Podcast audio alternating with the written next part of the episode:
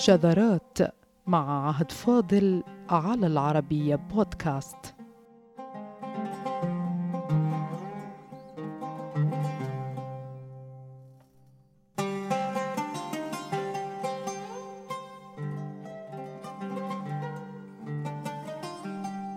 كما كان الأدب العربي حاضرا بقوة في الحوادث السياسية والاجتماعية كان كذلك في تصوير وقع. النوازل وآثار الكوارث الطبيعية التي حلت بالبلاد منذ قرون.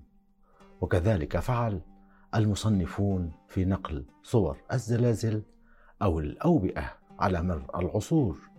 حتى إن عددا كبيرا من تلك المصنفات صارت مرجعا عالميا لرصد وحصر المرات التي تكرر فيها حصول الطواعين أو الزلازل على الأقل من الناحية التاريخية على اعتبار أن غالبية كتب التاريخ العربي والإسلامي مرتبة على السنوات أيها السادة فيكون لكل سنة ما فيها من أحداث.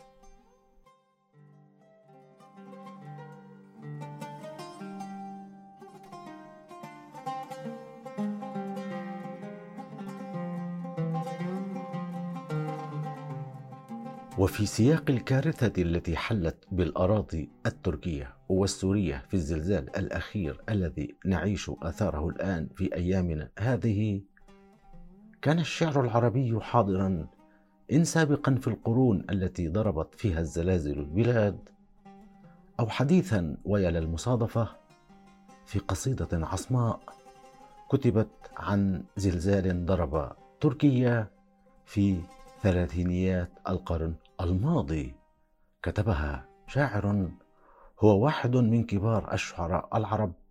هو الشاعر محمود حسن إسماعيل صاحب الدواوين الشهيرة وغنى له كبار المطربين العرب كأم كلثوم ومحمد عبد الوهاب وفيروز.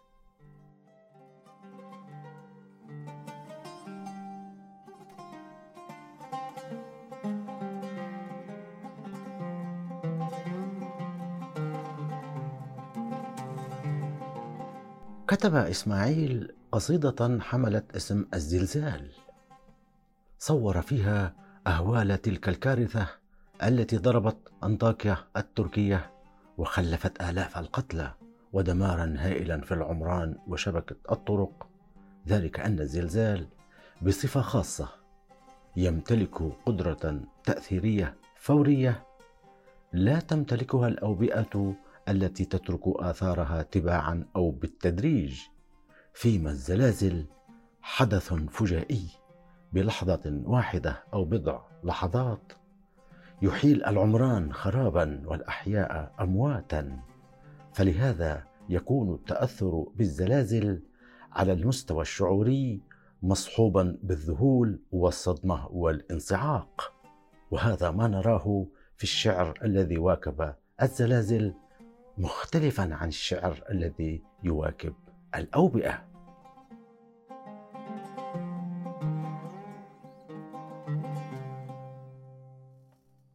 اولا اعزائنا فعبور سريع على أشهر ما قيل فيما يمكن تسميته بأدب الزلازل. في الشعر العربي فلطالما كانت حدثا دائم الوقوع فلذلك سيكون الشعر مرآة له من عصر إلى آخر. بل إن الشعر وللعلم أيها السادة هو أحد مصادر العلماء بمعرفة حجم الكوارث.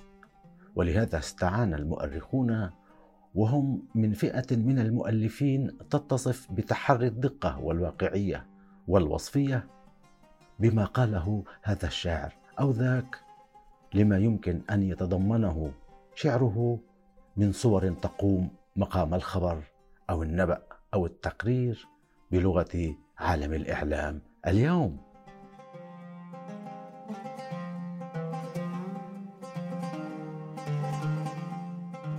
فلعل من أكثر الفترات الزمنية التي غطاها المؤرخون والشعراء معا تتعلق بموضوع الزلازل هي الفترة المختلفة في أوقات كثيرة من القرن الميلادي الثاني عشر.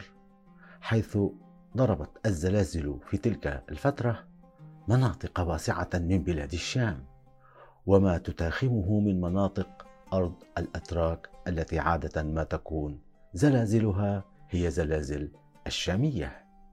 وقد أورد كتاب الروضتين عددا كبيرا من القصائد التي قيلت بزلازل ذلك الزمان حيث انتهى تدوين التاريخ في ذلك المصنف الهام قبل أشهر معدودة من تمام القرن السادس للهجرة. وقدم صورة وصفها المحققون بأنها أقرب للروح العلمية النزيهة على اعتبار أنه كتاب كما قالوا لم يؤلف لسلطان بل كتبه لتفهمه العامة فكان يقرأ على الناس كافة في المساجد.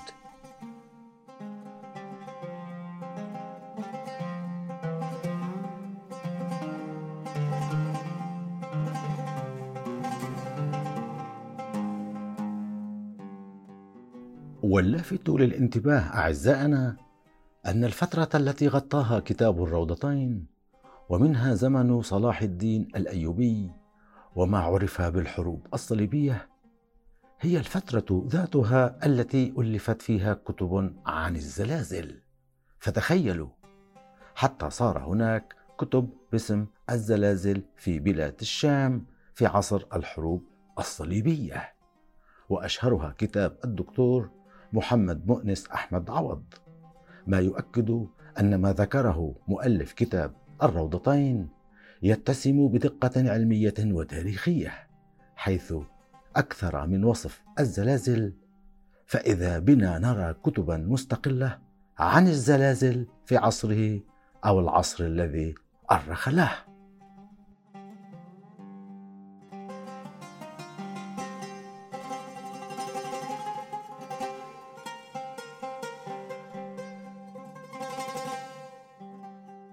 ومن القصائد التي نقلها أبو شامة وهو ما عرف به الدمشقي المقدسي شهاب الدين عبد الرحمن بن إسماعيل صاحب كتاب الروضتين في أخبار الدولتين النورية والصلاحية إضافة إلى إيراده شعر أسامة بن منقذ الأمير والشاعر العربي الذي أهلك الزلزال كل أهله الذين كانوا مقيمين بقلعة شيزر وقت وقوع زلزال 52 وخمسمائة.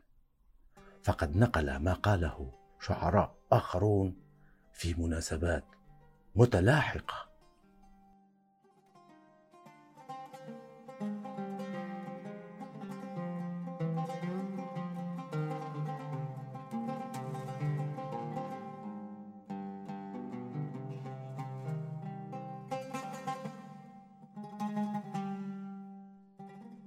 ومن أحد زلازل.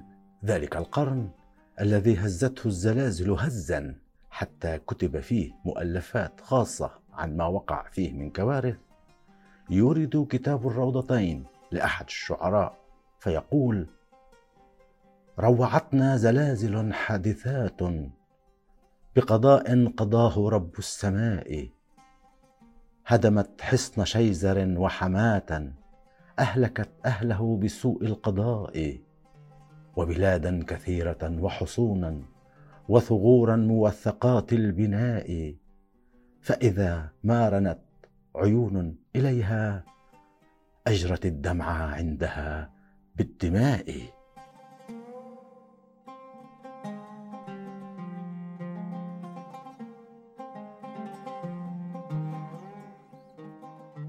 إلا أن ما يثير العجب اعزائنا حتى لا يعجز المرء عن التفسير. ليس فحسب أن تلك الزلازل وقعت بذات المكان الذي ضرب تركيا وسوريا اليوم والذي خلف آلاف الضحايا ودمر مدنا بأكملها. بل إن ما حصل مثلا مع السوريين في تركيا أو السوريين الهاربين من جحيم الحرب على الحدود هو ذاته لفظا وحدثا قد تكرر. فها هو كتاب الروضتين يتحدث عن زلزال ضرب أنطاكية وحلب وحماة واللاذقية وأجزاء من دمشق. فقال شاعر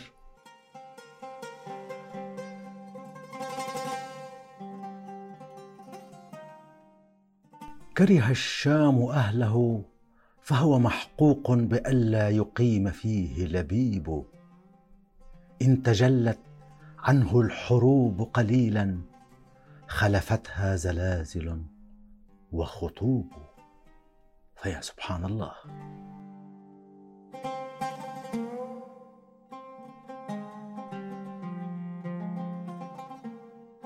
هل تصدق هذه المصادفة؟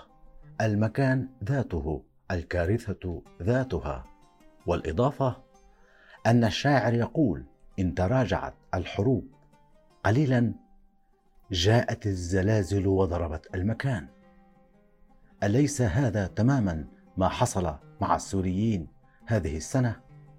هربوا من جحيم الحرب في بلادهم ولما توقفت قليلا جاء الزلزال.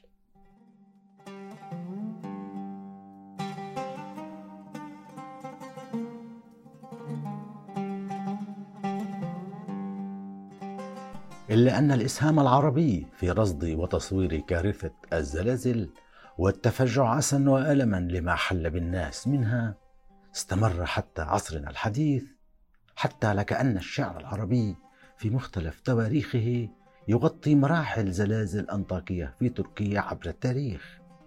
وها هو شاعر معاصر كبير هو المصري محمود حسن إسماعيل يؤلف قصيدة باسم الزلزال. كتبها عن زلزال تركيا العنيف في سنة 1939 وقد كثر الحديث عنه في وسائل الإعلام الآن لمقارنته بزلزال تركيا وسوريا الحالي. فماذا قال الشاعر المصري في قصيدته الزلزال؟ والتي قيل إن أخبار وسائل الإعلام هي التي أوصلت تلك الصورة إلى نفس الشاعر. كما قال الكاتب والمحقق الشهير محمود شاكر في دراسة له عن القصيدة. الأمر الذي يؤكد أن دور وسائل الاعلام جوهري بنقل حجم الفاجعة وصورة المأساة على حقيقتها. وربما هذا الأمر لم يكن للأسف من نصيب الشعراء القدامى بطبيعة الحال.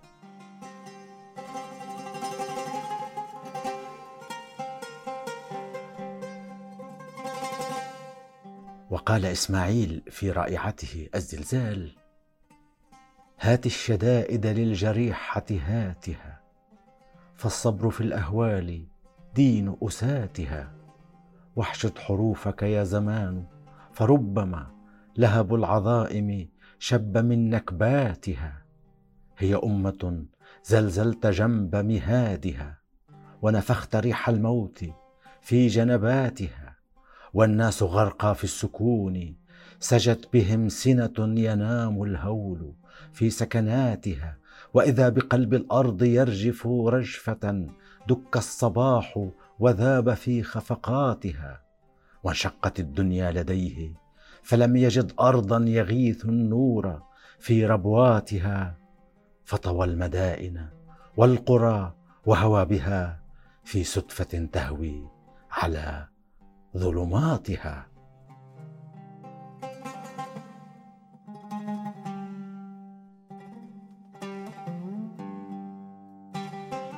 ثم في أعنف صور لهوية الموتى الذين جمعهم الزلزال معا في واحدة من أقصى صور الكوارث عندما يكون الجنين والرجل الكهل في مصير واحد يلتقيان بلحظة وحشية من الزمن الذي يخاطبه الشاعر فيقول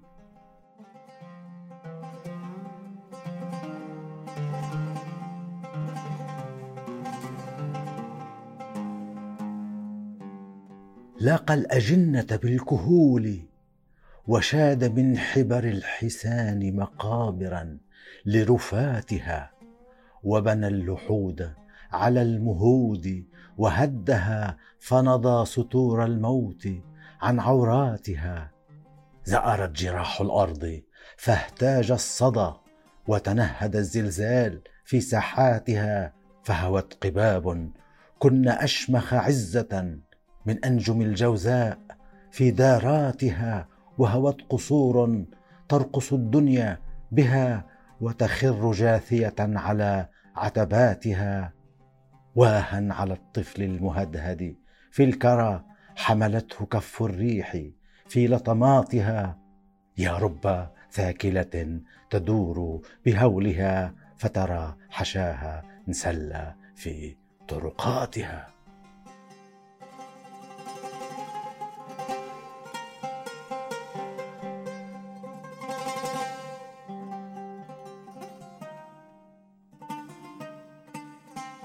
هي قصيدة أرخت لهول الزلازل بشكل لا مثيل له. كما رأيتم أعزائنا قصيدة لا مثيل لها في هذا الباب. وهي إسهام عربي خالص بمواساة دولة وقعت بنازلة شديدة. صور فيها الشاعر أقصى صور الدمار والفجيعة بشكل لا سابق له في شعر يتعلق بالزلازل وأهوالها. في الأدب العربي.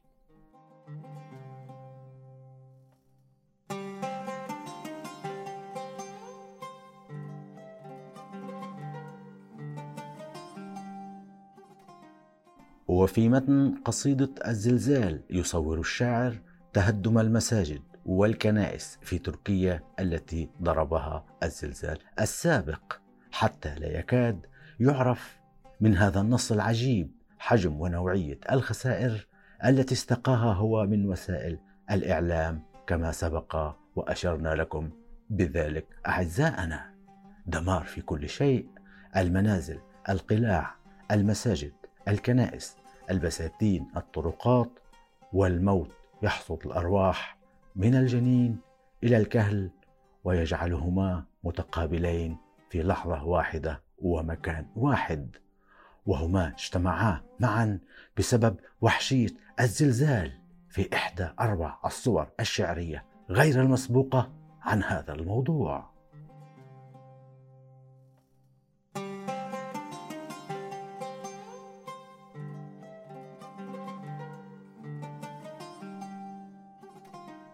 وتستمر القصيدة في تصوير المآسي إلى أن يصل إلى خاتمة كأنها الافتتاح.